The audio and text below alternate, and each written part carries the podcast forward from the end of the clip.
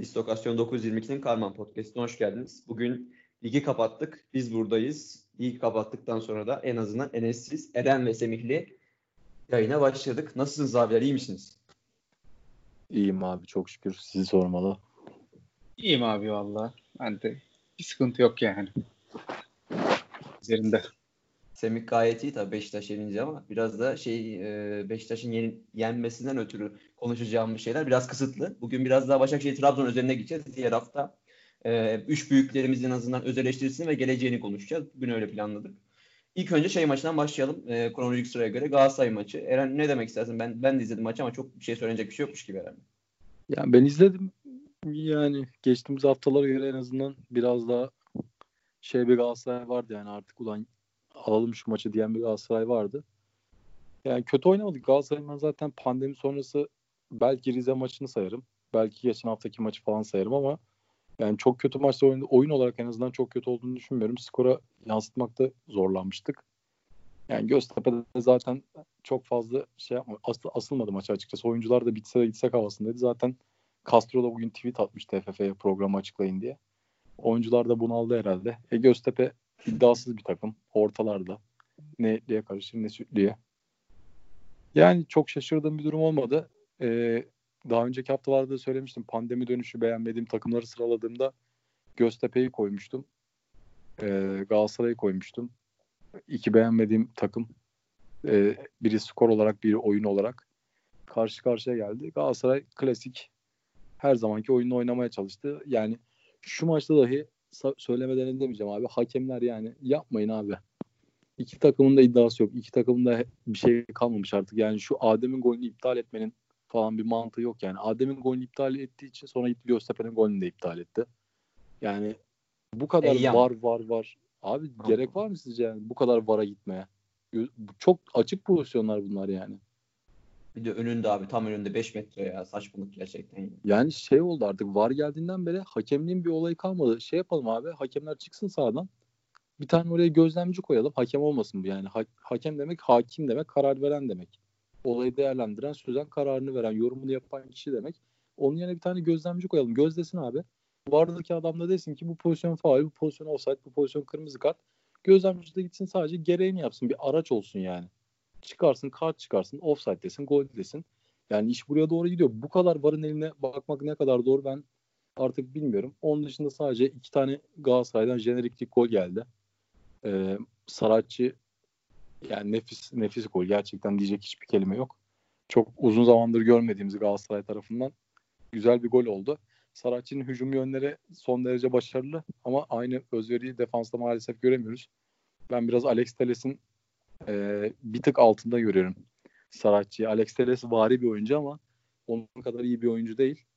Onun dışında Emre'nin frikiği de enteresan oldu. Son frikimizi yine Göztepe'ye atmıştık Maykon'la. Tribündeydim. Bu sefer tribünde olmak nasip olmadı. Yani genel yorumum bu. İki takımın da işte bitse de gitsek diye çıktığı bir maç olmuş. Galatasaray nihayet kazandı da bir nefes aldık. En azından Avrupa yolu açıldı. Trabzon cezası kalkmazsa diyelim gideceğiz Avrupa'ya. Artık şeyde Moldova deplasmanlarında falan 10 gün sonra açarız sezonu. Valla Moldova deplasmanında mangal mı yaparlar artık bilmiyorum ama en azından şey de çok sevindiriciydi. Emrah Baba'nın en azından bir yıl sonra özgüveni gelmesi falan. Yani ben bir, bir defterleri açtım. Biz Emrah Baba'yı alırken 10 gol 10 asist. Yani double double ortalamayla bir oyuncu almıştı. Şimdi geldiği nokta çok farklı. Bir de şey maç içinde izlerken hep sürekli bu Belhanda, Mariano Feguli kanadının bir daha izleyemeyeceğimiz gerçeğiyle biraz yüzleştim herhalde. Yani en azından tabii tabii bence büyük. pek çok oyuncu son maçına zaten abi.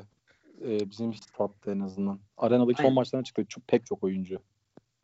Onlar da bilincindeydi bu işin çok da şey yapmadılar. O zaman yavaştan şey maçına geçelim. E, derbiye geçelim. Semih izledin maçı. Nasıl gördün? Çok herhalde ben sana izlerken konuşuyordum. Çok da sevindirici, çok böyle akışkan bir maç değildi herhalde. Abi maçı izledim desem hani yalan olacak mı? İlk kere ben böyle bakıyorum bir uyukladım falan yani. Bayağı saçma maçtı. Ya gerçekten iki taraf da kötüydü. Hatta daha kötü olan kaybetti yani. Hatta daha kötü olanın kaybetme sebebi belki kırmızı karttır yani. Orayı bile vurabilirsin.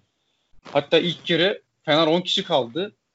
Emre Enuç'a geçti falan böyle. Orada bir anda hani tekniğiyle bağlantı oyunu yaptı. Enuç de Emre bekliyor.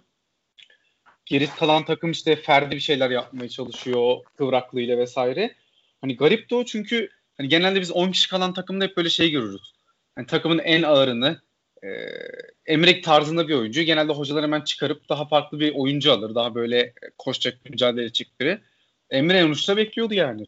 Ve hani fena da iş yapmadı bir ara. Hasan Ali falan iyi pozisyona girdiler. İlk yarıda Fenerbahçe 14 şut attı yani. Ben dedim ya burada mesela Sergen Hoca'ya net bir eleştiri gelir çünkü hani maça başladı 11'de hani şey görüyorsunuz. Boateng Burak'ı görüyoruz. Ama topu bırakıyor rakibi. Şimdi Boateng Burak varken topu, topu rakibe bırakırsan kontraya doğru düzgün çıkamıyorsun. Çünkü ne Boateng ne Burak o fizik gücüyle eziliyorlar yani. Beşiktaş mesela bir boş yakalıyor. Burak gidiyor, Boateng gidiyor vesaire. Ama Fenerbahçe'de Serdar Aziz, Falet bir anda geri dönüyorlar yani. Hiç onu kullanamadı Beşiktaş. Tam ikinci yarı geldi. Hoca Diaby oyunu aldı. Bu sefer topu almaya başladı. Yani biraz e, bence çelişkili bir durum oldu yani. Zıt bir durum oldu. Bu konuda hoca biraz bende eksi yazdı. Onun harici goller de biraz şeyden geldi zaten. Denk geldi gibi oldu. Yani ilk golde biraz Altay'ın hatası. Vida'nın çıkışı. Yani Vida umarım kendi kariyeri için başka takımda hayatına forvet olarak devam eder. Belki daha eğlenceli olur yani. Kafa vuruşları falan da güçlü yani. Bakmayın. Onun harici e, yine Caner tekrar Caner'in hatta bu arada şey diyeceğim ha. Caner'e şey yaramış. Böyle biraz dinlenip yani e, Caner orada tek başına sol bekteki tek adam olmadığını fark etmesi herhalde bir tık daha performansında fark yarattı yani. Şimdi tekrardan geri dönen Caner şey döndü. Nasıl bu kadar savruk bir Caner yoktu yani. Mıdır, öyle Yoksa sözleşme kapmak için midir? Ha, tabii onun da etkisi var. Sezon sonu geliyor.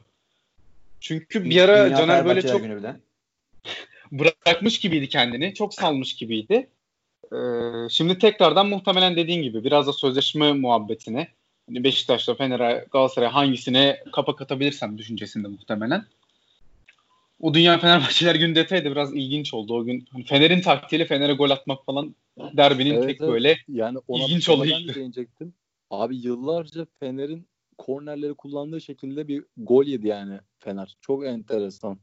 Ön direğe orta Gökhan Gönül'ün vardır öyle golleri. Hatta sadece Gökhan'ın tabii. değil diğer bek oyuncularının da var.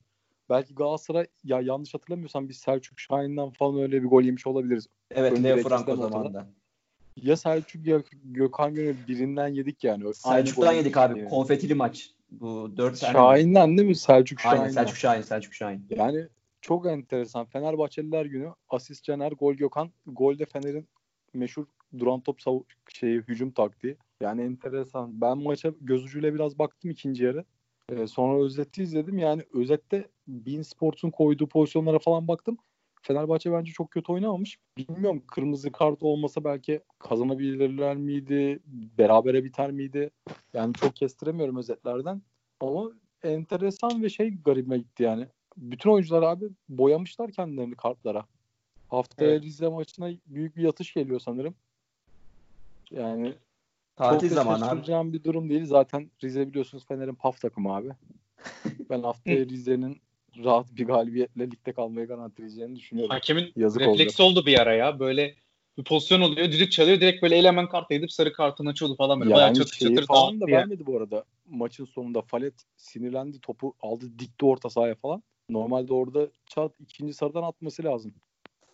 Yani onu falan unuttu hakem. Sarısı vardı Falet'in niyet okumuştur ya bu tatile çıkıyor ben buna tatili yollamayayım. Vermedi sarıyı yollamadı. Yani evet ama bize, bize olduğu zaman yapıyorlar abi. Hedefsiz Galatasaray bile olsa yapılıyor yani. Yani şey hala çok şoktayım ya Adem'in pozisyonuna. Yani orada kaldım ben. Bu, bu hafta benim için Galatasaray konusunda olay oydu yani. Adam gitti tertemiz topu aldı iptal edildi. Aşamıyorum yani. Var olan. Neyse çok uzatmayacağım ben bu konuyu. Abi benim aşamadığım şey de şu. Caner Gökhan gol attıktan sonra şeye düşündüm ya hatta şeye de yazdım. Abi Gökhan ön direkte gol atıyor. Novak arka direkte gol atıyor. Fenerbahçe'nin diğer seneki bekleri acayip ya. İyi bir ortacı bulduklarında Fenerbahçe oraları çok kullanabilir belki. En azından oradan biraz yavaş yavaş şeye doğru geçelim. Ee, Trabzon Başakşehir'e doğru geçeceğiz ama isterseniz maç özelinde Başakşehir maç üzerine çok konuşacak bir şey yok ama Trabzon maç üzerine konuşabiliriz. Çünkü maç üzerine konuşacağımız büyük bir adam var e, kazak bir adam var. Kazak bir adam. Bülent Korkmaz üzerine konuşmamız Hal, gereken çok şey var. Halis bir erkek ya. Alfa erkek gerçekten. yani alfa erkeği buyurun Eren o zaman senden başlayalım. 93 senesi Mert Korkmaz, Bülent Korkmaz'dan başlayarak buraya kadar gelebilirsin abi. Tabii hemen başlayayım. Ee, Bülent Korkmaz kariyerine başladığında ben 1 yaşındaydım. Ee, şu an 29 yaşında evli bir çocuk babası bir insanım. Hala en sevdiğim oyuncu Bülent Korkmaz.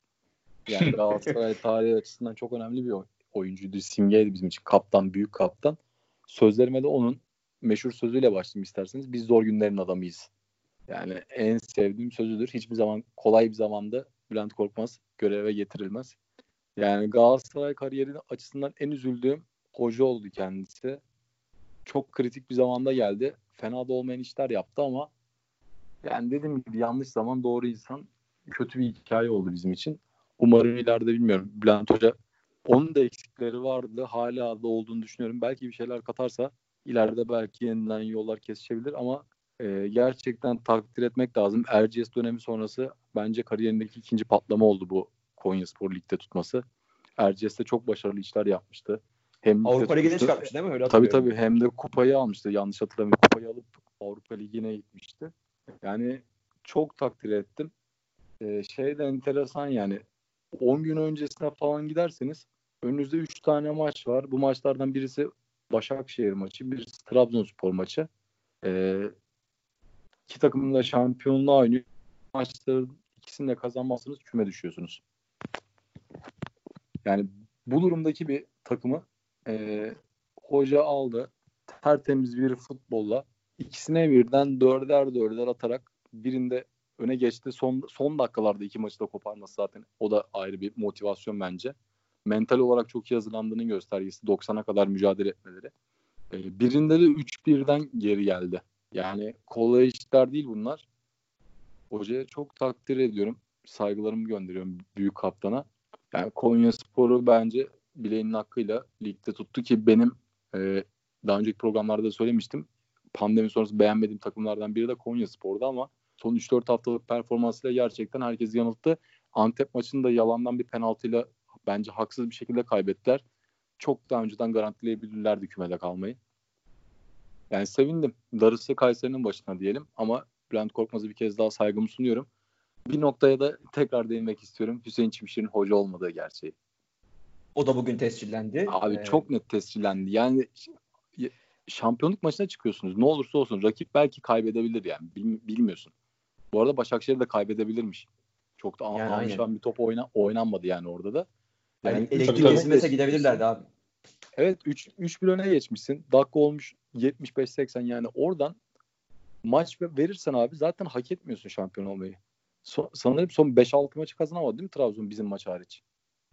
Aynen. Hepsinde beraber. Da, Alanya'dan beri abi böyle bir trend yaptılar. Her maçı böyle böyle bitiriyorlar yani. Yani onda da bence net bir şekilde Fegül'ün atılması sayesinde biraz Trabzon kazandı. Yoksa ben bizim de Trabzon'a kaybedeceğimizi düşünmüyorum kolay kolay. Kolay bir galibiyet alamazlardı en azından. Yani bir kere daha malumun ilanı oldu. Hüseyin Hoca'nın hoca olmadığını zaten söylüyorduk. Ünal Karaman'ın ahının olduğunu söylüyorduk. Şeyde çok net söyleyeceğim. Eğer Ünal Karaman'la devam edilseydi Trabzonspor şampiyon olurdu bence. Ee, son bu konuyla ilgili son yorumu da yapayım abi. Ee, damadın takımı kaybetti. Oğlanın takımı kazandı. Olay bu kadar net. Maalesef. Birileri yarıştı biz de seyrettik. Yani dünkü görüntülerden sonra bu ortaya çıkıyor. Yani buna dayandırma sebebim de bugün herkes görmüştür herhalde. Turkuaz Medya'nın attığı baş, başlıklar. Yani iktidara bu kadar yakın bir gazete iktidar sahibinin kurucu başkanıyım dediği kulübe inanılmaz ithamlarda bulunmuş. Şok içerisinde gördüm, okudum diyeyim. Çok Sizin büyük rezalet merak ya. Ediyorum. Yani yani böyle bir o, hani şey o grubun zaten spor müdürü Zeki Uzun Durukan kendisi o da Trabzon'un Trabzonsporlu. Yani ama şey de enteresan yani. E, demek ki o grup Berat Albayrak'a yakın ya da onun kontrolünde. Ki bu kadar cesurca yazabilmişler. Ben sizleri de merak ediyorum ne diyeceksiniz. Bence büyük rezalet ya. Çok diyecek bir şey yok. Çünkü böyle kocaman en şaibeli sezon olarak yazmaları falan gerçekten inanılmaz ya. Yani dediklerin Aa. çok doğru yani. Bir bazı şeylerin kanıtı oluyor işte bu da bize. Ben böyle bir başlık hatırlamıyorum. Bir, iki, şaibeli sezon derken, şaibeli sezon derken bu yönettiğin kavram TFF ve yani Merkez Hakem Kurulu. Yani bunları çıkıp açıklama yapması lazım. Bunlar Nihat Özdemir sabah çıktı diyor ki yabancı kurullar niye itiraz ediyor anlamıyorum. Yani sabah sana bir manşet atılmış. Türkiye'nin en fazla satılan spor gazetesi sanırım foto maçta şey. Ya ve adamlar senden çıkıp ona bir şey diyemiyorsun TFF olarak. Yani sana söylüyor. Şaibe sezon, sezonu kim oynattı? Sen oynattın ama sen hiç sallamıyorsun bile bu durumu. Takime gittiler yabancı kuralı falan diye hala zorlama bir şekilde devam ettiriyorlar. Konya maçı üzerinde şey söylemek istiyorum. Ben Konya maçı Trabzon ya Başakşehir gol attıktan sonra full Trabzon Konya maçını izledim. Abi pozisyon var. Bayiç gol attı. Bu arada Eren geçen hafta bana Bayiç sormuş niye Bayiç forveti falan diye. Abi Bayiç bir gol attı. Novak arkadan bağırıyor diyor ki Kampi arkanda adam var ona bas diye. Ya en son golde Novak kendi zıplıyor. Bir bağır ya sarhoş gibi oynuyor stoperleri. Trabzon öyle böyle değil yani. Kampi Abi zaten şampiyonluk kaybetme nedenlerinden birisi yani kanatlar çok iyi, hücum hattı çok iyi. Orta saha nispeten iyi. Ama defans rezalet yani ham, hamle yapacak, top hamle yapacak defans oyuncusu kesici özellikle bir oyuncusu olmadığı için bu kadar kötü sonuçlandı hikaye. Ya bir de şey düşün. Yevtovic ile Johnson Konyaspor'un orta sahası. Şimdi bu iki orta sahanın X bir takıma koysan bu hiçbir takım iki golden fazla atmaması lazım normalde. Başakşehir attığı goller işte bu Mia'nın filan eksantrik goller de var kabul ediyorum ama Trabzon'un attığı goller frikik dışında çok kolay goller abi. Ya çok kolay goller yiyorlar.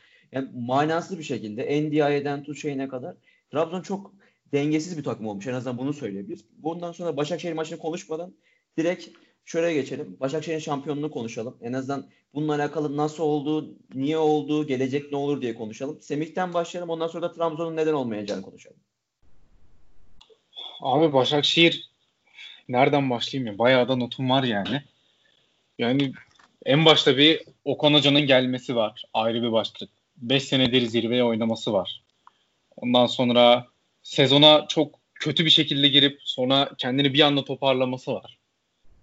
Orta sahasının hani son dönemde gördüğümüz orta sahasının geçirgenliğine rağmen bundan vazgeçmeyip bunu e, bir taviz olarak görüp bu hücuma ısrar edip hücumda böyle böyle maçları kazanması var. Yani ilk yarıları çok kötü geçirip yine de taktiğini bozmayıp ya da küçük bir değişiklik yapıp ikinci yarı bambaşka bir e, Başakşehir gördüğümüz birçok maç var.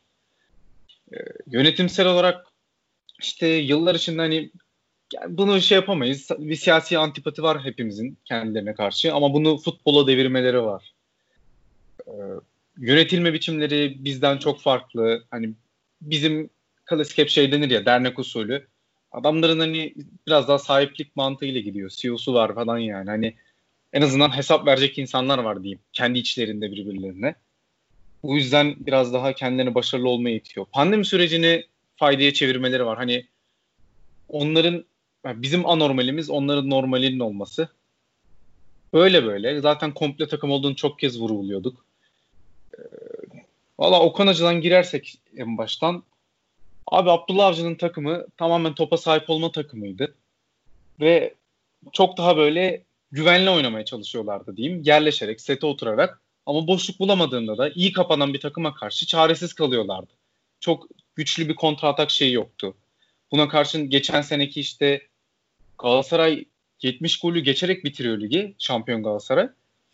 Başakşehir ikinci sırada 49 golle bitirmişti. Yani çok çok düşük bir rakamdı bir zaten şey için. Şampiyonlu oynayan bir takım için. Okan Hoca geldi direkt bunu değiştirdi. Daha direkt bir oyuna geçmeye çalıştı. Oyunu ikinci bölgede çok fazla e, oynatmadı. Orayı biraz daha hızlı geçmeye çalıştı. E, onun harici sadece 4 mağlubiyeti var takımın. İkisi Fener'e karşı. Adamlar Fener'e karşı garip bir kitleniyor yani. Bir ilk hafta e, şey var. Malatya'ya bir 3-0 yeniliyorlar yani. Lige çok kötü girdiler hatta onu da dediğim yani. Olympiakos'a elendiler. Çok kötü oynadılar yani. Ben net hatırlıyorum o maçları. Malatya yenildiler ardından Fener'e yenildiler. Lige çok kötü başladılar. Sonra hoca inat Abi, etmedi yani. İlk, ilk 5 haftada 5 puan aldılar herhalde. Öyle bir şey var değil mi? Baya kötüydü. Sonra bir de kura böyle onların moralini de bozdu Avrupa Ligi kurası. Bir anda Roma Mönchengladbach falan zaten Roma tokatladı baya. Böyle böyle belki onların işte faydası oldu bu aslında. Hocanın da esnekliğiyle beraber. Hocanın zaten esnek yapısı olduğunu geçmiş kariyerlerden biliyoruz yani. İnatçı bir hoca olmadığını. Gitti takımdaki eksikleri çabuk fark edip çabuk düzeltip hemen o işte sürekli söylediğim komple takımı oluşturdu. Ee, gereksiz oyuncuları ısrar etmedi. Benim alamayacağı kişilerde. Bıraktı. Mesela bu sezon çok hatırlamıyorum. Arda Turan'ı bu sezon oynattı mı? Birkaç kere sanki denedi sonra olmadı vazgeçti. Bir daha hiç koymadı. Galatasaray maçında oynattı. Ben onu hatırlıyorum. Değil mi? Aynen. Ee, böyle böyle yani hocanın şeyi çok büyük ya. Yani 5 senedir evet Abdullah Avcı'nın getirdiği bir nokta var kulübü. Ama Abdullah Avcı'nın getiremediği yeri de o konucu tamamlamış oldu. Güzel bir hikaye ya. Gerçekten Ya bence ben- çok çok güzel söyledin abi. Abdullah Hoca'nın getiremediği yere Okan Hoca'nın getirmesi. Zaten şampiyonun şifresi burada yani. Kesinlikle abi. Yani orada hani yine yönetimsel bence bir şey var. Doğru hocayı seçmişler yani. Bunu çok net söyleyebilirim. Hani gidip Erol Bulut'u da getirebilirlerdi. Ne bileyim Aykut Kocaman'ı da getirebilirlerdi atıyorum. Güzel hani fark etmişler o konucunun çıkışını. O Rize'deki yaptığı yarım sezonluk işi. Yani bir senede bir yarım sezon çok kötü geçirip öbür yarım sezonda nasıl değiştiğini görmüşler falan. Buna da getirip bence çok güzel oldu yani. Hani ben dediğim gibi Okan Hoca'nın da hani sonuna söylemesi kolay. Çok fazla geçen sene de hani Beşiktaş'a gelmesini isteyen biriydim. Abdullah Avcı'dan ziyade Okan Hoca'nın gelmesini istiyordum ama Beşiktaşlıların o Abdullah Avcı şeyi e, hoca gelsin işte bu hoca Şenol Güneş'ten daha iyi iddiası olan bazı insanları çok karşıydım zaten. E, Okan Hoca'yı çok isteyen bir insandım. Gerçekten onu beğenmiştim yani. E, keşke bize gelseydi diyorum. Bir daha zor zaten yollarımızın kesmesi bu saatten sonra. E, umarım Başakşehir iyi şeyler yapar ki daha hani Abdullah Avcı'nın rotasyon yaptığı, sıfır çektiği Avrupa'da bu adam şu an daha yoluna devam ediyor ve tek maç usulünde çok büyük sürprizler yapabilecek bir takım yani. Hiç küçümsenecek bir durumda değil açıkçası. O konuda da açıkçası bizi güzelce temsil edecekler. Onu da heyecanla bekliyorum diyeyim.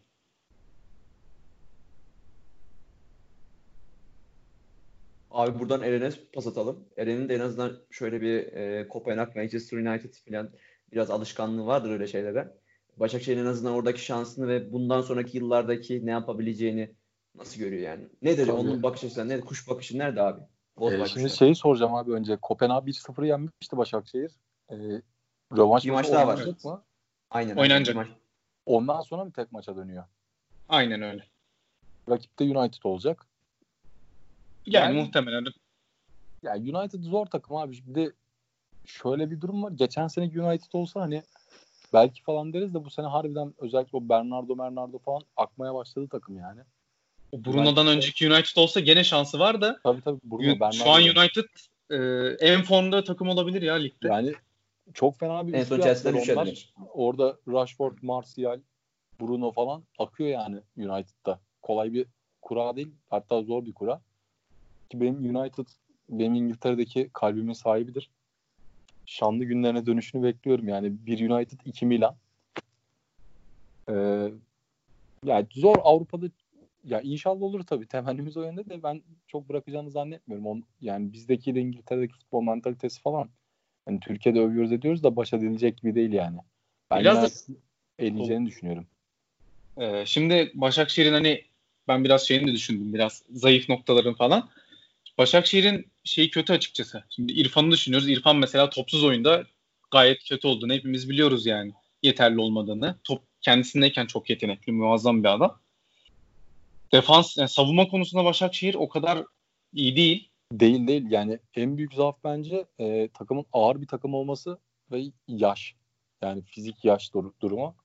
United'ın Yani- temposu biraz şey yapabilir. Evet, çok çok ağır gelir o. Yani ar- arkada Şikirtel Mikirtel falan yani sene başına şey muhabbeti olmuştu işte Şikirtel Atalanta ile anlaştı. Fizik kondisyon testlerinde başarılı olamadığı için Başakşehir'e geldi falan diye haberler çıkmıştı.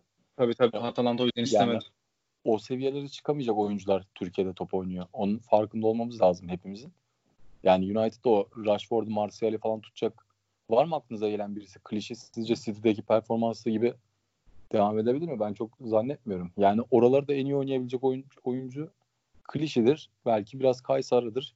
Hani bekleri belki o tempoyu bir tık kaldırabilir ama onun dışında ben ortalanın e, hem stoperler açısından hem de e, libero kısmı açısından çok Manchester United'ın temposuna dayanabilecek durumda olduğunu düşünmüyorum. İleri uçta da e, Crivelli ağır bir oyuncu, Dembaba ağır bir oyuncu. Yani onu nasıl yapacaklar bilmiyorum. Başakşehir'in çünkü kontratak oynaması gerekecek bence. Başka türlü set oyunuyla gidip pozisyon bulup goller atabileceklerini falan çok fazla düşünmüyorum United'a karşı. Yani böyle erken gol yemesi Başakşehir'in faydasını falan olabilir yani. Ki gerçi United'da erken gol atsa geri çekilmeyecek. Bayağı evet, şey devamlı oldu. getiriyorlar abi. oldu. Bu, bu sene enteresan bir United var yani. Attı mı devamı geliyor. Geçen sene falan öyle değillerdi. Zorlanıyorlardı ama, ama şöyle bir durum var. Bu United yani Fener'e falan mağlup oldu burada. Onları da unutmamak lazım. 2 sene 3 sene önce. Mourinho'lu United'da bir de. Ama Lens şimdi size dediğim gibi Garip işler işte- yaptı. Yani evet işte o, o zamanki duruma göre işler çok değişti. Şimdi Pogba falan canavar gibi top oynamaya başladı. Yani Avrupa için zor ama bence Başakşehir Avrupa'yı Avrupa'dan önce kendini zaten aştı. Yani misyonu tamamladı bence.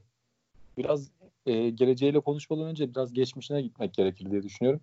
Bence abi ayrı parantez açılması gereken, hikayesinin yazılması gereken, başrole koyulması gereken bir adam var orada Mahmut Tekdemir. Yani Kesinlikle. herkes herkes Vişka falan diyor da abi altyapısından çıkmış, amatörde oynamış, ikincilikte oynamış. Kariyeri boyunca yani işte hani bayrak adam derler ya abi Başakşehir'de de bir bayrak adam var. Hiçbir şey olmasa da kulübün en azından bir tane bayrak adamı var.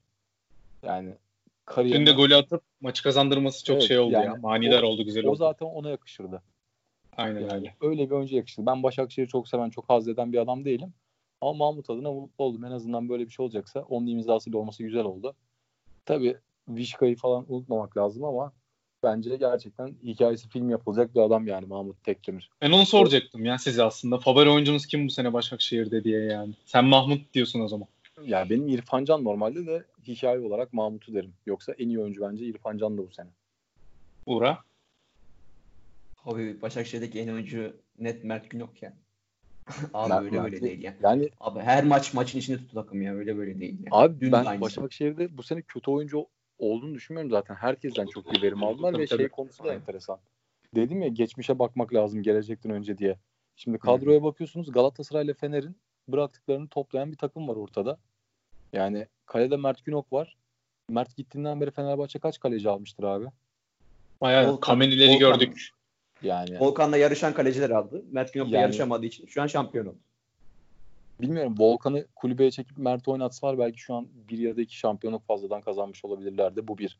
Onun dışında beğenmeyip gönderdikleri Şikirtel yani Şikirtel'den sonra o defansın hali ortada.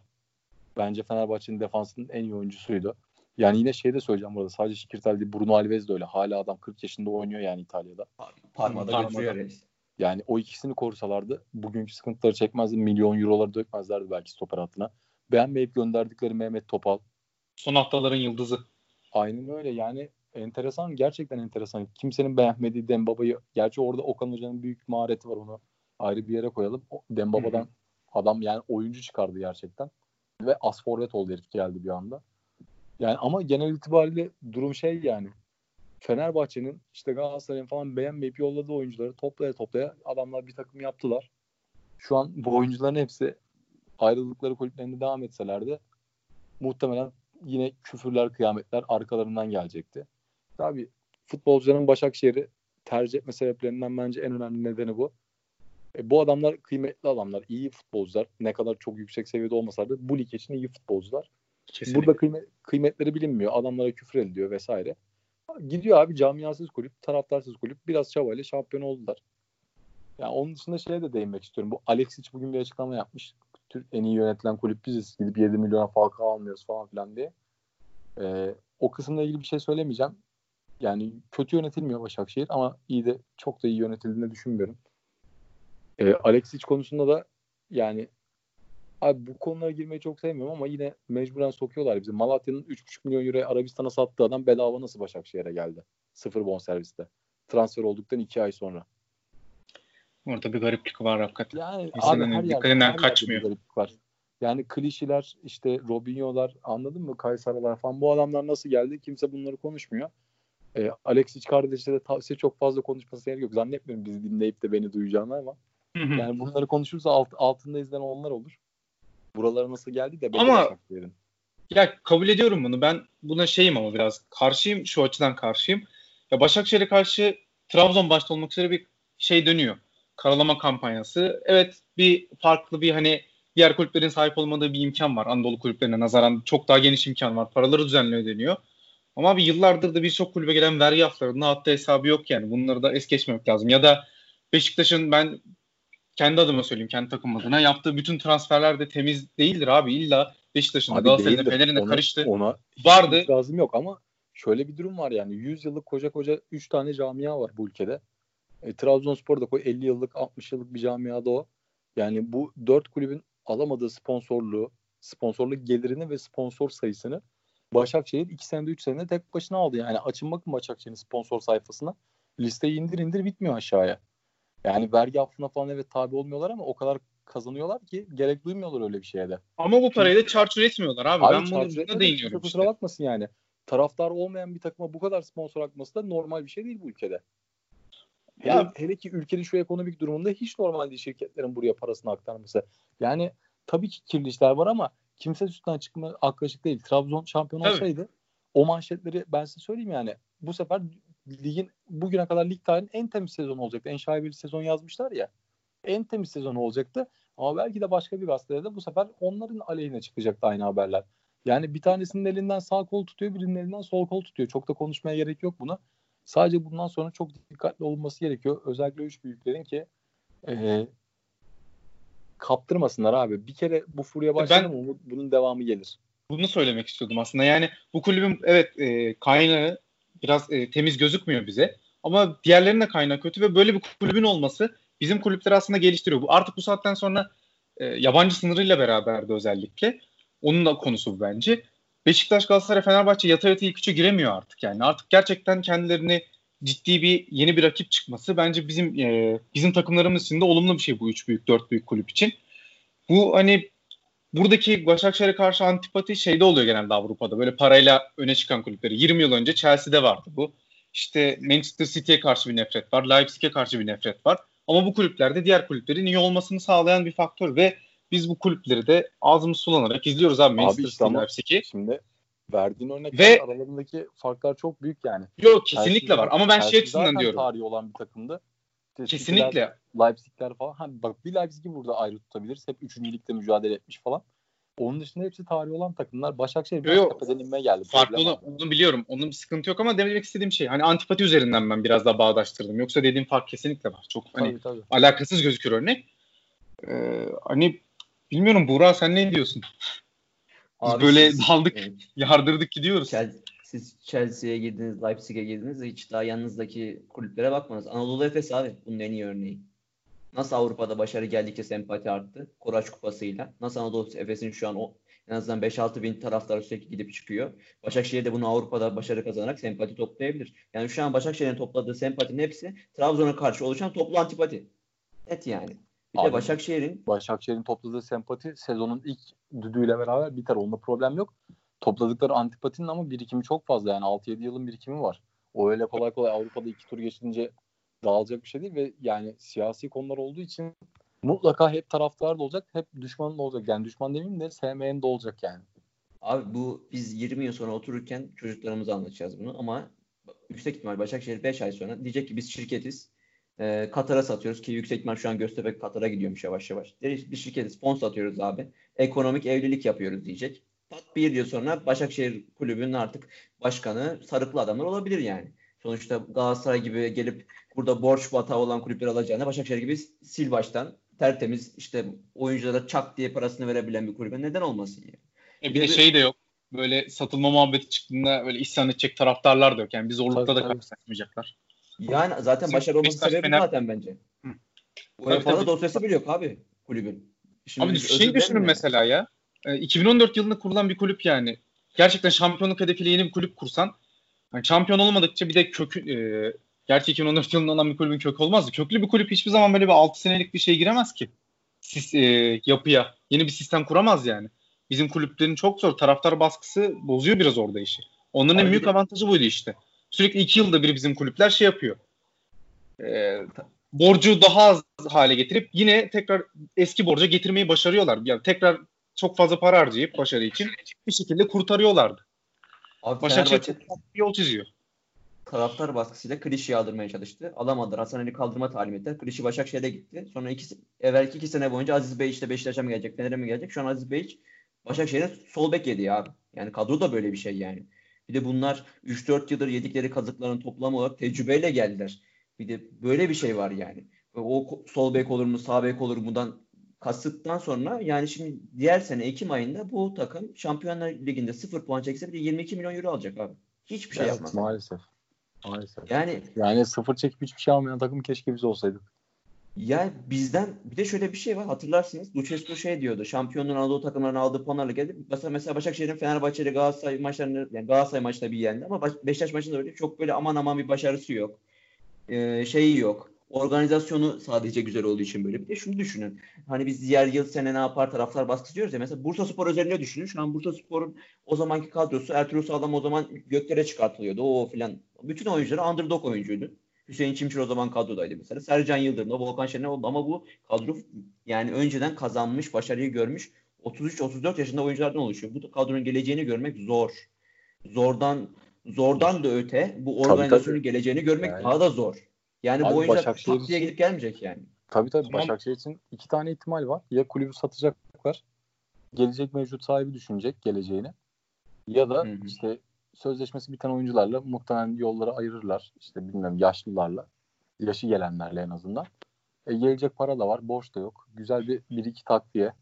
Takımın iskeletini koruyup gençleştirme operasyonuyla Şampiyonlar Ligi'nde başarı işte Zaten aslında yönetimin en büyük şey sınavı bence bu yaz olacak zaten. Tabii tabii. Yani, kesinlikle. Önemli olan evet başarıya bir şekilde çıkıyorsunuz ama başarıyı yönetmek bakalım kolay mı o kadar onu gösterecekler bakalım. Ya on, onlar için ben çok zor olacağını düşünmüyorum. Üstlerinde herhangi bir şekilde ne e, devletin işte e, şey baskısı yok. Vergi baskısı yok. TFF'nin fair play işte, e, UEFA'nın FFP baskısı yok. Devletin harcama limiti baskısı yok. Taraftarın baskısı yok. Yani sıfır baskı bir kulüp olduğu için yani gelen, gelen sadece giriyor abi içeriye. Hep artıda. Eksiye düşecek bir durumları yok çok fazla. O açıdan çok rahatlar. Ee, ama dediğiniz gibi sınavı göreceğiz. Önümüzdeki sene verecek Başakşehir. Ee, o, onun dışında yani kulübün geleceğiyle alakalı da bilmiyorum. Bir Bursa Spor durumuna düşmez belki. Ama ben Başakşehir'in de uzun vadede böyle çok ağım şahım ligin gedikli şampiyon adaylarından birisi falan olacağını düşünmüyorum. Yine ilk, ilk beş sıralarda falan oynar. Ama ben Başakşehir'in üst üste iki şampiyonluk, üç şampiyonluk falan alacağını hiç düşünmüyorum. Ben seneye büyük takımlardan birisinin şampiyon olacağını düşünüyorum. Bir de şöyle bir durum var abi. Ee, son 5 yılda özellikle Anadolu kulüpleriyle büyük kulüpler arasındaki makasın bu kadar e, azalmasının sebebi bence net bir şekilde yabancı sınırıydı. Kesinlikle. E, serbestlikten dolayı Anadolu takımları dahi yani Aruna Kone falan Sivas Spor'a uyum geldiyse bu yabancı sınır sayesinde. Kaliteli yabancılar geldikçe Anadolu takımlarının oyun kalitesi arttı. E, büyük takımlar tarihinde bu kadar zorlanmamıştır Anadolu takımlarına karşı. Hiçbir maçın artık ulan e, yani şey hatırlıyorum ben eskiden derdik. Kimle oynuyorsun? Rize'yle. Aa bu maç banko. Artık diyemiyorsun onu. Ama bu yabancı sınırı değişikliğinden sonra ben yine takımların kalitesiz çarçöp yabancılarla dolacağını, kötü yerlilerle dolacağını ve o makasın tekrar açılacağını düşünüyorum. Ne olursa Belki de bu abi. düzeni isteyenler o tabii, tabii. ilk yani, sırada sürekli 3 İstanbul yani, takımını görmek istiyor. Bizim evet, İstanbul takımı. Öyle olacak. Büyük kulüpler ne kadar kötü transfer yaparsa yapsın Anadolu kulüplerinden her zaman daha iyi transfer yaptıkları için zirvede onlar olacak. E, artı bir de Başakşehir olacak. Anadolu kulüpleriyle makas yine açılır. Şampiyonluk puanları da yine e, 69'lar, 70'ler, 75'ler değil de belki bir 78'lere 80'lere falan dayanabilir. Yani o makas net bir şekilde açılır yabancı sınırıyla. Abi makas açıldıkça bir de şeyi düşünün. Yani şimdi bu iklimdeki game changer Okan Buruk. Bir yıl daha mukavelesi var. Dün Göksel Gümüşler şeyi soruyordu işte Okan Buruk gidecek mi kalacak mı falan. Bizim onunla gönül sözleşmemiz var diyor. Yani diyemiyor ki Okan Buruk kalacak. Abi Okan... herkese Göksel Gümüş'ten herkese gönül bağı var. Gönül sözleşmesi var zaten. Herkes de var yani. Okan Buruk ya geleceği çok belli abi. Bir yıl Şampiyonlar Ligi'ne gider. Bir Şampiyonlar Ligi vitrinini görür. Kendini orada dener. Ondan sonra gideceği istikamet belli yani. Söylemiş miydim Ama bilmiyorum. İşte Emre Avrupa Belözoğlu... ihtimal de var ya. Yanlış düşünmüyorum. Yani İtalyancası falan var. İn, onun adamın İtalya'da olabilir, da piyasası olabilir. var. Oradan da olabilir. zaten şöyle bir hedef güzel var. bir yol olur. Ee, Emre sanırım e, bu direktörlük muhabbeti çıktıktan sonra Okan'a teklif yapıyor hocalık için. Okan'ın cevabı e, ben Başakşehir'de şampiyonluk almak istiyorum. Daha sonra Galatasaray oradan da Avrupa'ya gitmek istiyorum gibi bir cevap vermiş sanırım. Okan'ın kafasında da Galatasaray'ı yönetmek var. Başakşehir'den sonra. Böyle bir duyum var. Ama ne kadar doğru ne kadar yanlış bilmiyorum ama Avrupa'ya mutlaka gideceğini de düşünüyorum Okan'ın. Yani hocanın izinden gidiyor Fatih Hoca'nın izinden. Yaş olarak da erken başladı kupaları almaya. Yaş 45 var mı Okan? 45 yoktur ya. Kaç doğumdur ki acaba? 77 falan 70 78 doğumlu. Yani işte bir Türkiye Kupası, bir Süper Lig. Bence Hı-hı. güzel bir başlangıç oldu kariyer için. Abi yani Akisar'daki belki şampiyonluğu atlıyoruz filan. Rize'deki yaptıklarını atıyoruz ama bu adam e, takımlarında oynattığı oyunda oradaki oyuncuların bütün hepsini Türkiye pazarı oluşturuyor. Yani şu an Muriç'i oraya götürdü. Akisar'daki işte Rodallegalar, Gekaslar, Lopez'ler hep böyle Türkiye pazarında dönüşüme neden oldu Okan abi, Okan Hoca'nın en net oyundaki dönüşümünü şeyden anlarsınız. Ee, attıkları golde Kayseri'ye yani 3-4 pasla tık tık tık tık tık bir anda gol oldu. Abdullah Avcı takımında böyle değil abi bu iş. Önce defansta paslarla oyun kurulur, oyun şekillenir. İşte ondan sonra Emre Belözoğlu içeri gelir, topu alır. Şöyle sağına soluna bir bakar. Boşta kim var ya da kim uygun pozisyonda onu bir görür. Ondan sonra orada bir iki set oyunu. Ondan sonra kanal ters top çevirmeler falan böyle yani oyunu yayarak oynayan bir Başakşehir'den topu yakaladığı an hızlı bir şekilde gol atmaya odaklanan bir Başakşehir'e çevirdi Okan Hoca. En büyük bence dokunuş burada 3-4 pasta Mahmut gol attı zaten. En büyük artı bence bu. Hızlı oynamayı da öğrendi Başakşehir. Zaten iyi oynadığı bir pas oyunu vardı. Şimdi kontratak oyunu da iyi oynamaya başladılar. Abi hazır Abdullah Avcı demişken şu an e, koltuk adaylarından biri olan Trabzonspor'a geçelim. Bu sene özelinde neyi yapamadıklarını, neyi yapmaları gerektiklerini en azından e, kendilerinde oluşan e, yani pandemi dönüşü adamların tüm Süper ikileri değişik her maç mesela. Kendi medyaları var garip bir şekilde. Yani adamlar biçiyor, kaçıyor filan. Yok ana, ya eskiden şimdi şöyle bir şey var. Şimdi bizim büyüklerde de oluyor. Böyle konuş konuşuyor falan Anadolu devrimi diyorlar işte Trabzon işte Anadolu'dan takım çıktı falan ama abi şu an Anadolu devrimi gibi gözükmüyor. Trabzon'un medyası hiç öyle gözükmüyor. Bir de her kötülüklerinde başkalarını suçluyorlar abi. Hep dışarıda arıyorlar her şeyi. Hiç kendilerine suç yokmuş gibi. Şimdi de e, Hüseyin Çimşirik oldular haliyle. Şimdi bir de bir kas şeyleri var. Onlar da kendi döneceklerini zannediyorum ama City ile kendilerini eş tutarken City'nin zaman aşımından olduğunu biliyoruz biz de. Yani en azından kastan çıkan şeyler öyle. Trabzon'la alakalı ne düşünürsünüz? En azından Abdullah Avcı da konuşuluyor. Hem geleceğini hem de öz eleştirisine. Semih senle başlayalım. Şuradan başlayalım. Genelde hani Trabzon yönetimini bazı transferlerden dolayı övüyorduk vesaire ama burada sanki o dönem çok çeşitli şeyler oldu. Benim aklımda canlanan şu oluyor. Aklıma gelen ilk şey. Ee, o zamanın kahramanını Ünal Hoca'nın olması rahatsız etti. Sorumluluk alıp işleyen çarka çomak sokup bunun daha iyi olacağını iddia ettiler kendilerince. Bunun da bedelini ağır bir şekilde ödedi bu yönetim. Yani zaten hani Hüseyin Hoca'nın çok da konuştuk yani hocalık performansını iyi bulmuyorduk. Pandemi sonrası adamlar tek düze futbola geçti yani.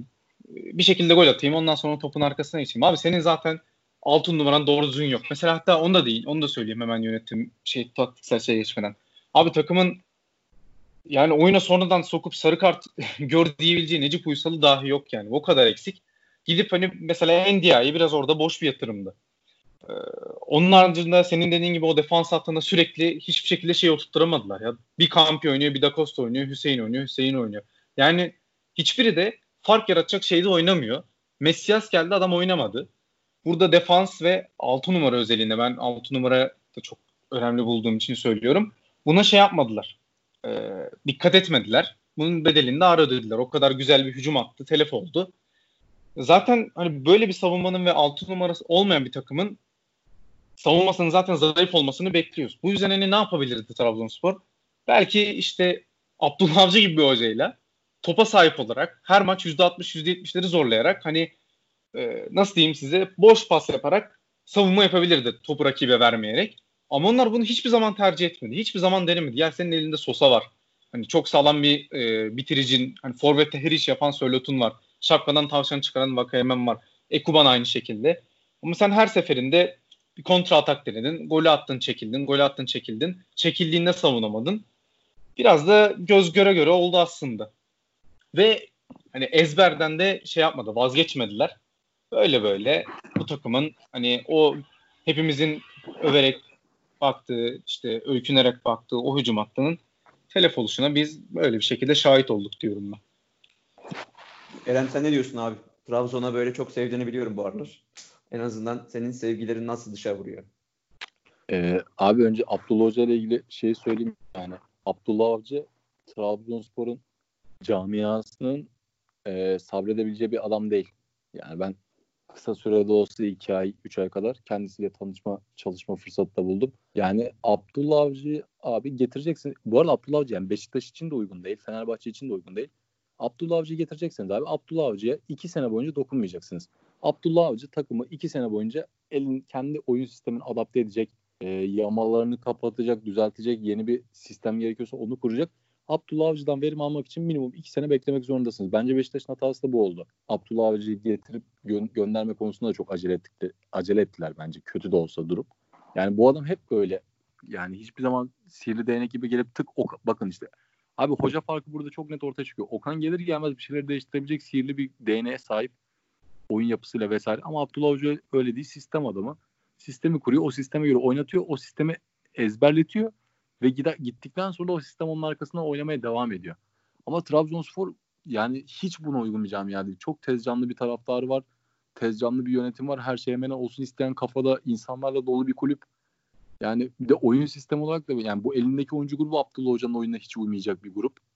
Yani mesela bir tane oyun tutacak Emre Belezoğlu'su Sosa gidecek gibi duruyor. Yok gittikten sonra. Ya ne bileyim işte sürekli mücadele edecek bir Mahmut'u yok. Endia'yı kiralık zaten muhtemelen o da döner. Yani o yüzden çok bilmiyorum takviye yap yaparlar mı, düzelir mi, ne yapar çok kestiremiyorum ama bana kafamda hiç bağdaşmıyor yani Abdullah Avcı ile Trabzonspor açıkçası. Hocam ama en çok gelir olan takım yazın yani bu işte atıyorum Abdülkadir'den bir 15 çekseler, Uğurcan'dan bir 20 çekseler. Abi o iş, ya, o iş yalan olur. Ben size söyleyeyim yani. Öyle bu yaz, bu yaz pandemi mandemi sonrası kimse Uğurcan'a da 20 milyon falan yani çok hayal görmesinler. 6'ya 7'ye Abdülkadir'i satarlar işte. 10 milyona da Uğurcan'ı satarlar. Onu da satabilirler. Söp başına koysunlar. Trabzon'da öyle çok amışan bir durumda olacağını düşünmüyorum. Yani zaten birini satmazlarsa muhtemelen Sörlot'u da alamazlar. Abi yani mesela Chelsea haberi çok saçma değil mi orada Uğurcan için? Zaten Abi adamın ya. elinde Kepa var. Hani Kepa ile Uğurcan'la bir sezona mı girer Chelsea Allah aşkına ya? Ne yapacak abi de şey mi diyecek adamlar? Ulan Kepa'dan daha kötü bir kaleci bulalım. Kim var? Uğurcan gidip onu alalım. Yani yapılır mı abi böyle bir şey? Ya farazi saçma haberler onlar. Yani şey hikayesine Sheffield daha mantıklıydı da o da Evet evet yani şey bak, o tarz bir şey olur. Sheffield'a gider atıyorum anladın mı? 6-7 milyon pound'a gider işte. 10 milyon euro girer kasasına Trabzon. Yani Ama o zaman şey Chelsea mantıklı olur ha. Chelsea alıp Sheffield'ı kiralar mesela. Chelsea'nin klasik ha, ya da ya da öyle olur ama şu an Uğurcan'ı geçirir misiniz abi Chelsea'nin kalesine? Yok. Dün yediği gollerden sonra falan. İyice bitti abi, zaten. Ya bu arada Uğurcan yıprandı yani. Tabii zaman zaman, zaman formsuzdu ama bu takımın bu kadar dayanmasına da yine en büyük pay Uğurcan'ın yani. Bu kadar kötü defans attığına rağmen inanılmaz işler yaptı ki Trabzon bu kadar kalabildi yarışın içinde. Yani yatıp kalkıp dua etmiyor o kaleciye de. Ama dediğim gibi bilmiyorum Trabzonspor bence yine şeye dönmesi lazım. Camianın içine dönmesi lazım ama camianın içinden her yerini de hoca yapmak gördükleri üzere çok da bir işe yaramıyor. Böyle deyince de hemen hoca... şey gelir. Şota gelir şimdi. Yok şota değil ben şey falan bekliyorum ya. Şenol Hoca bu aralar şimdi şeydir. Sıkılmıştır. Gündemden, gündem, gündemden düştü ya kaşınmaya başlamıştır elleri ayakları. Ben bir sürpriz bir hamle bekliyorum Şenol Güneş'ten. O hazır kadroyu malzemeyi hep adamın eline kötü kadro veriyorlardı. Kötü malzeme veriyorlardı. Şimdi malzeme de iyi. Şöyle bir gideyim ben bir, bir sene bir meydana çıkayım diye şey yapmak istiyordur. Hazırlamıştır not defterine yazmıştır filozof laflarını. Ama Euro 21 öncesi bu topa girer mi ya? Yani abi normal bir hoca olsa girmez diyeceğim de yani hiç şaşırmam biliyor musun? Şenol Hoca da Girerse hiç şaşırmam. Yani hiç şaşırmam. Ama şey olabilir Şenol olmazsa hamiye tekrar dönebilirler. Çünkü orada biraz işler şeyin de istediği gibi yürüyor biliyorsunuz. Kamuoyu baskısı falan. ee, belki Hami olabilir. Belki Şota olabilir. Yeni nesil kim var Trabzon'dan? Eski oyunculardan. Bilmiyorum. Çok fazla da oyun, isim gelmiyor aklıma. Ya da yabancı birine gidecekler. Bilmiyorum. Ama benim kafamda Trabzon'un oyununa yatkın ligde kim var? Erol Bulut var abi şu an. En makul de o da. Yani çok zor. O da koyu Fenerli ya. Yani bir de yani onu taraftarın kabullenmesi falan çok Gerçi zor. Trabzon kariyeri var Erol Bulut'un herhalde değil mi? Ben öyle hatırlıyorum. Vardı yani adam Fenerbahçeli kendi kendine en azından özdeşleştirmiş bir adam ama gerçekten Trabzon'da bence çok temiz oyun oynatabilecek bir hoca yani. Kesinlikle. Çok güzel oynatabilecek bir hoca Erol Bulut Trabzonspor'un kadrosuna. Yani başka da çok bir isim gelmiyor aklıma. Geleceğiyle ilgili de Trabzonspor'un neyi yaptılar neyi yapamadılar dedik ya abi. Evet bir kadro kuruldu. İyisiyle kötüsüyle eksiğiyle en azından geçmiş senelere göre çok daha iyi bir kadro kuruldu. Geçmiş hatalardan ders alınmış bir kadro kuruldu. Yapabildikleri olay buydu. Yapamadıkları ise yönetim, yönetimsel kısım. Bir kriz yönetimi, iki e, grup yönetimi yani kendi oyuncu grubunuzu, kendi hoca grubunuzu vesaire bunları yönetmede bence en büyük problemi yaşadılar. E, iyi bir kadro kurduysanız başına da iyi bir hocaya getirmişsiniz Ünal Karaman gibi. Yani sadece abi bunları getirmekle olmuyor bu iş. Yani hocası şampiyon olmuyor. Bunu daha önce de söylemiştim bu lafı. Yönetimin en büyük hatası bu oldu bence. İyi bir kadro kurduk. Takımda oynuyor. bu takım hocasız da şampiyon olur. Biz bunu gönderelim demesi bence şampiyonluğun kırıldığı nokta oldu Ünal Karaman'ın gönderilmesi. Abi bunu Aziz Yıldırım bile yapmıyordu ya. Gerçekten tam Aziz Hoca, Aziz Yıldırım kafası değil mi bu? Tabii tam Aziz Yıldırım hareketi de Aziz Yıldırım makul yerlerde. Yani sezon sonlarında yapıyordu bunu en azından şampiyonluğa giderken yapmıyordu. Yani yoksa Abi, şey zamanı biliyorduk Davum'un gideceğini, Bursa'ya kaptırdıkları sene şampiyonluğu. Davum'un gideceğini hepimiz biliyorduk Aykut Kocaman direktörken. Ertesi sene Aykut gelecekti. Bunu herkes biliyordu ama kalkıp bunu şeyde yapmadı adam Bursa'yla kapıştıkları sezonun işte bitimine 10 hafta kala falan yapmadı. Dedi ki sezon sonunda olacak bu. Sizin de madem böyle bir düşünceniz vardı beklerdiniz sezon sonunu kardeşim. Şampiyon olursa güzel bir şekilde veda ederdiniz. Olmazsa zaten elinizde fırsat olurdu. Şampiyon yapamadı gönderdik derdiniz. Yani yönetim kısmında yönetimsel olarak problem var. Yönetme yetileri eksik. Bu şekilde devam ederlerse Ahmet Ağaoğlu'nun ben değişik bir insan olduğunu düşünüyorum. Garip bir arkadaş gerçekten çözemedim. Ama o bu kafa yapısıyla devam ederse ben Trabzon'un ileriki yıllarına da yazık olacağını düşünüyorum. Hazır e, desteği bulmuşlar bir şekilde. Devletten deyin, oradan deyin, buradan deyin, kimden derseniz deyin. Arkasında ciddi bir kitle var. E, bu ülkede de Trabzon'dan, Karadeniz'den bol bir şey yok. Kabine, kabinede biliyorsunuz Trabzonlu olmayan bakan olamıyor. Yani arkalarındaki bu desteği lehlerine çevirebilme fırsatı varken bence iyi değerlendirmeler lazım. Aynı hataları yapmamaları lazım. abi bir de şeyi düşünün. Hatay Spor bugün haber düşün Mehmet Altıparmak'ı kovdular falan diye. Abi Hatay Spor bile düşmüyor bu hataya. Tudor'u falan getireceklermiş. Tabii. kardeşim. Yalanladılar. Hatay Spor yalanladı onu zaten. Ya yalanladı. Bir de, bir de saçma bir şey var. Trabzon'da genelde insanlar hep şey bekliyor yani. Muazzamlık. Aksın böyle. Oyun aksın, şu aksın. Yani bir şey Trabzon'un en son en iyi oynadığı oyun belki de. Bu e, 10-11 sezonu. Selçuklu, Buraklı, Jacalı filan. Abi Jaja'nın evvelki sezon hiç yani göbeği bira göbeği olmuştu filan yani. Bir anda takım bir yani bütün hepsi dağılmıştı. Şimdi diğer sezon Sosa gidecek diyorsun. Takımın en önemli parçası. İşte Uğurcan Abdülkadir belli değil. Yani Trabzon'un bence jeopolitik olarak da bir sıkıntısı var abi. Kesinlikle. Var var abi. Yani şey sıkıntısı Tabii var ya. abi. Futbolcunun e, kanıksayabileceği, severek kalabileceği bir şehir yapısı yok zaten Trabzon'un. Problem orada. Yani eğlence hayatı yok, topçuyu tutabilecek. Bir de Türkiye'desiniz.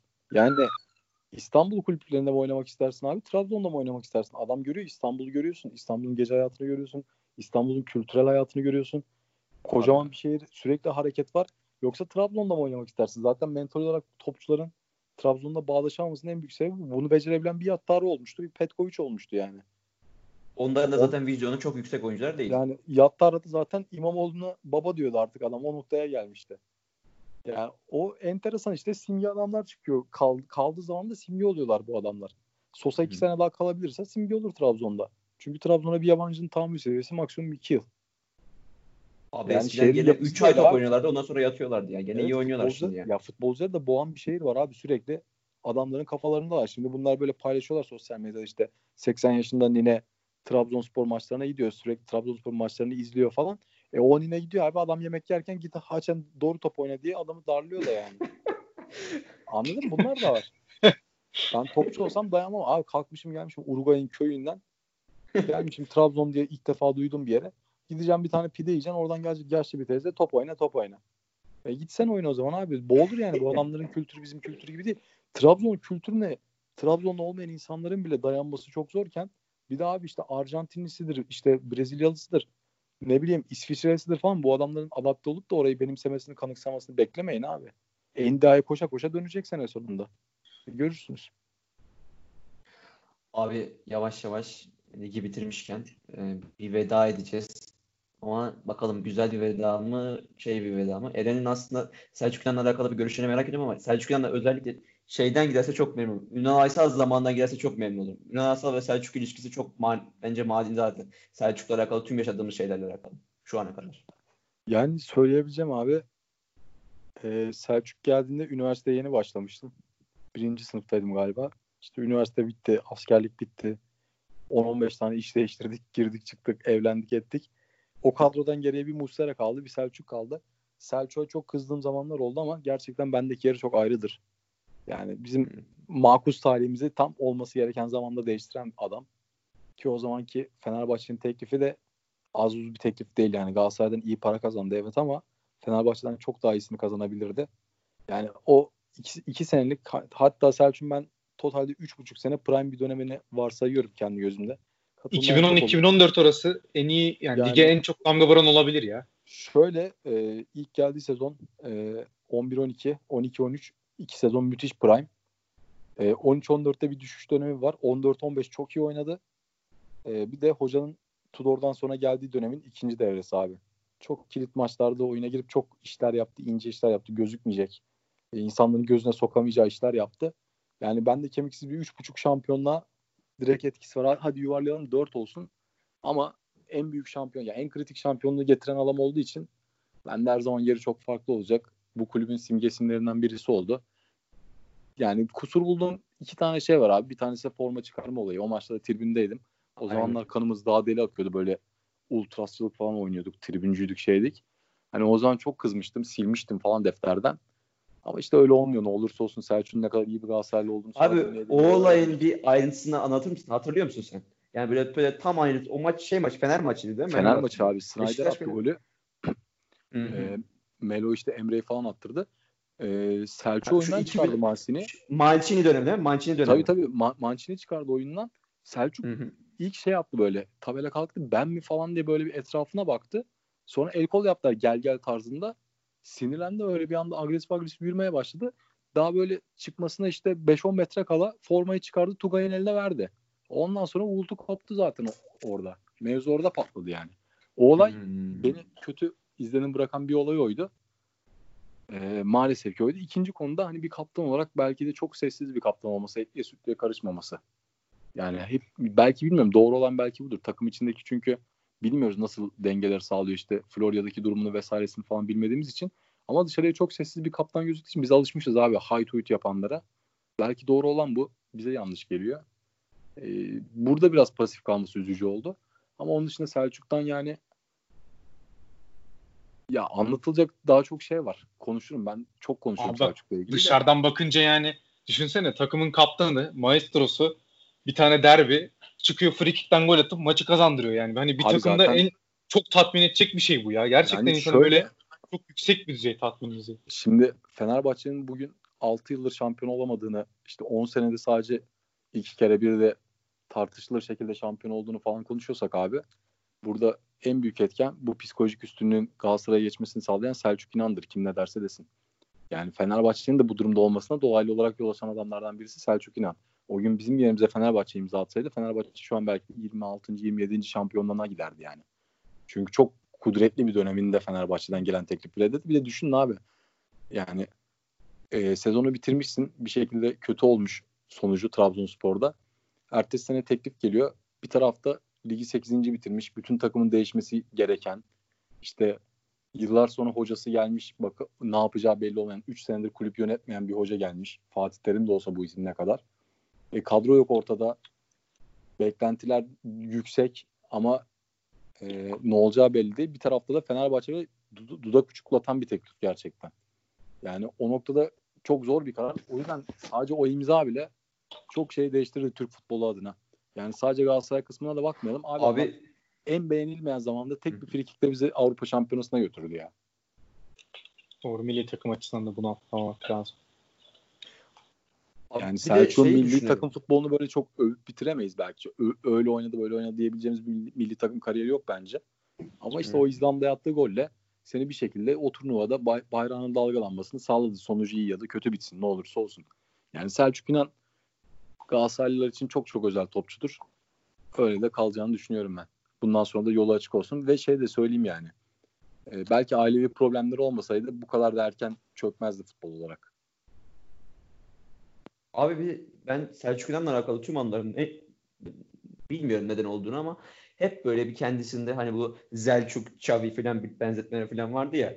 Ya o zamandan beri ben Selçuk'un sürekli bir Türkiye Ligi'ndeki 800 numara olmasına çok karşıydım yani. Yani o zaman ilk geldiği sezonda Melo, Engin Emre gibi e, orta saha şeyli, menşeili çok koşan adamların yanında Selçuk çok güzel bir konfor alanı buldu, ve double double yaptı sanırım. 10 gol asist falan yaptı Melo ile beraber.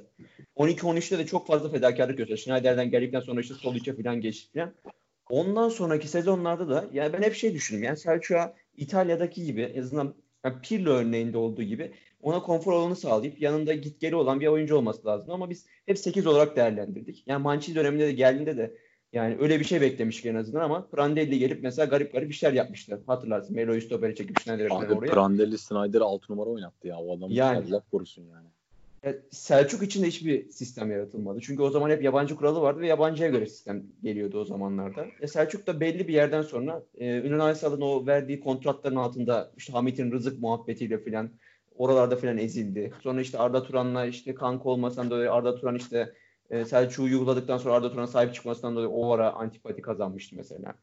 Yani Selçuk İnan ama antipati kazandıkları şeylerden sonra hiç daha Selçuk İnan çıkıp böyle Arda Turan gibi Allah sizin belanızı versin falan diye açıklama yaptığını görmedim. Gayet saygılı bir adamdı en azından. Yok Selçuk'un yani sağ dışında takdir edilecek çok şey var abi. Bütün kankaları onun jenerasyonu kalkıp işte referandum kampanyalarında evettir zarttır zurttur derken Selçuk İnan efendi gibi hiçbir şey söylemeden yani tarafını belli eden bir topçu sessizliğiyle. Yekta, Olcan, Selçuk falan bunları ayrı bir yere koyarsınız. İşte Arda'yı, Burak'ı, Caner'i, Karam grubunu ayrı bir yere koyarsınız yani. Ben sırf o yüzden bile Selçuk'a ayrı bir sempati besliyorum zaten. Abi rakı fotoğrafı falan yayınlamıştı. Millet sahip çıkmıştı yani. Selçuk bizim Tabii canım geçen sene tribüne bağırdık şerefine Selçuk diye. Geçen sene mi? Yani. sene önce mi neydi? Ya Selçuk öyle bir topçuydu. En azından futbolu bıraktığını kendisi de fark etmiş olacak ki en azından bir 3 bence bir 2-3 yıl önceden bırakabilirdi en azından. Daha böyle şeydi ama bence bu sezon da bırakmayacaktı. Hatay'a mataya gidişi falan konuşuyordu çünkü 3 gün önceden ama herhalde bir içine bir senin dediğin gibi vahiy gelmiş. Ee, Olabilir ama ben yönünde. şey de söyleyeyim abi ben 17-18'in özellikle ikinci devresinde falan Selçuk'un oy- oyuna girdiği maçlarda son derece iyi olduğunu düşünüyorum. Yani son gider ayak kıyan yaptı diye düşünüyorum. Özellikle o Başakşehir maçı. Yani Abi- orada oyunu tutması, top dağıtımı falan Başakşehir'in o tempolu şeyini, paslaşma düzenini falan büyük bozmuştu yani. Abi bir de şey düşün. Son oynadı. Şimdi Hasan Şaş gibi olmadı en azından. Öyle düşünüyorum. Hamburg maçı var Hasan Şaş'ın. Yani her- herkes yuhlamıştı filan. Adam sakat gelmişti filan. Yani Selçuk İnan'ın en son oynadığı top herhalde şeydi hatırlarsın. Kayseri Spor deplasman maçı vardı. 3-3 çıkmıştık. Selçuk İnan ve Gulli'ye filan asist yapmıştı. Belki o. Bu senenin başında bir Denizli maçı var. Penaltı kaçırdıktan sonra Selçuk topu bırak. Çok sesler yükselmeye başlamış. Çok fazla kilometre yaptı. En azından fazla yüzümüzü yani bizde fazla antipati kazanmadı. Hasan Şaş çünkü ben hatırlıyorum halı sahada topçu olamaz filan diye yuklamıştı Utku Aslan. Hatta geri çağırmıştı geri filan gelmemişti. En azından Selçuk İnan bizde iyi bir etki bıraktı ki ekiple devam edecek. Semih sen Beşiktaş'ı nasıl görüyorsun abi? Yani Se- Selçuk İnan gibi bir adam bence sen çok seversin. Senin tam tipin topçular. Ben abi hatırlıyorum ya benim böyle hem şeyden gelen benim zaten bilirsin 8 numarayı ben çok seven bir insanım. Hep uğurlu sayım olduğuna inanırım. 8 numara bir topçunun böyle simge olması durumu bende gerçekten çok özeldir. Benim gerçekten dışarıdan imrendiğim topçulardan birisiydi. Bunu söyleyebilirim. Az önce bahsettiğim o hani o bir derbiyi 8 numara kaptanın frikikle alması falan abi çok özel olaylar ya. Abi penaltı Aha. gibi atıyordu bir ara ya. Harbiden diyorum. Bir iki penaltı gibi atıyordu adam. o sakinliği bahsettiğin e, ben zaten dediğim gibi tam hani bana deseler ki bir işte kariyer çiz kendine nasıl futbolcu olmak istersin? Abi Selçuk İnan gibi futbolcu olmak isterim. Özellikle dediğim gibi o 2010-2015 dönemi çok başkaydı. Hani izlerken de keyif verdi. Ben o dönemlerde daha fanatik bir insanken çok farkına varamıyordum bunun. Ama yıllar geçtikçe fark ettim. Ee, dediğim gibi keşke daha çok izleseydim o dönem Galatasaray maçlarını dedirtiyor şu an bana. Yani ben yaşlandığımı fark ettim yani Selçuk futbol bırakacağım deyince. Gerçekten Yok abi, film şeridi gibi geçti yani. Abi Abi, yok be çok da aramızda bizim Selçuk'ta 4-5 yaş varmış ya. Onu öğrendim daha çok moralim bozuldu. ama Selçuk saçı kestirdikten sonra senden bir 10 yaş büyük yükseldi ama. Evet. Abi bu demek oluyor ki asla saçımı kestirmiyorum. Asla. Benden de aynı malzeme çıkar çünkü. Abi senin berber anılarını da dinlemek isteriz ama burada Bo- yayını biraz hiç, hiç gerek yok onlar rezil, rezillik çıkartıyor onlardan. Abi yavaştan yayının sonuna geliyoruz. Var mıdır eklemek istediğiniz bir şeyler? Çok tatlı güzel yayın oldu. Ee, ben Selçuk İnan'a bize yaşattıkları için teşekkür etmek istiyorum kaptana. Özellikle psikolojik üstünlüğün tarafımıza geçmesini sağladığı nice maçlarda oynadığı iyi toplardan dolayı. Ki özellikle yani Fenerbahçe maçlarında Selçuk İnan bambaşka oynuyordu. Sadece bunun için bile kendisine şükranlarımı sunuyorum. Yolu açık olsun bundan sonra.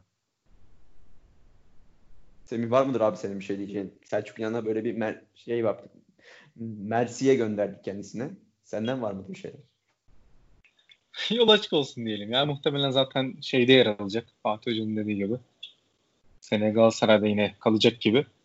Yanlış mı anladım ben o açıklamayı bilmiyorum Yok ama. yok Aynen, aynen öyle. Bence Hakan Balta falan da. yani. Ya bir yeni bir ekip oluşturacak. Kariyerinde yani yolu açık olsun diyelim. Güzel işte anılar için teşekkür ederim diyelim. Hani güzel görüntüleri için daha doğrusu. Abi, Beni yavaştan kapatırken en azından dinleyicilerimize şunu söyleyelim. Beşiktaş'taki hırsızlık olayıyla Gustavo'nun indirime yanaşmaması olayını atlamadık. Diğer hafta full 3 büyükler üzerinde gideceğiz. Bugün bu hafta böyle geçirdik. Herkese teşekkürler bizi dinlediğiniz için. İyi akşamlar. İyi akşamlar. Gerçekten.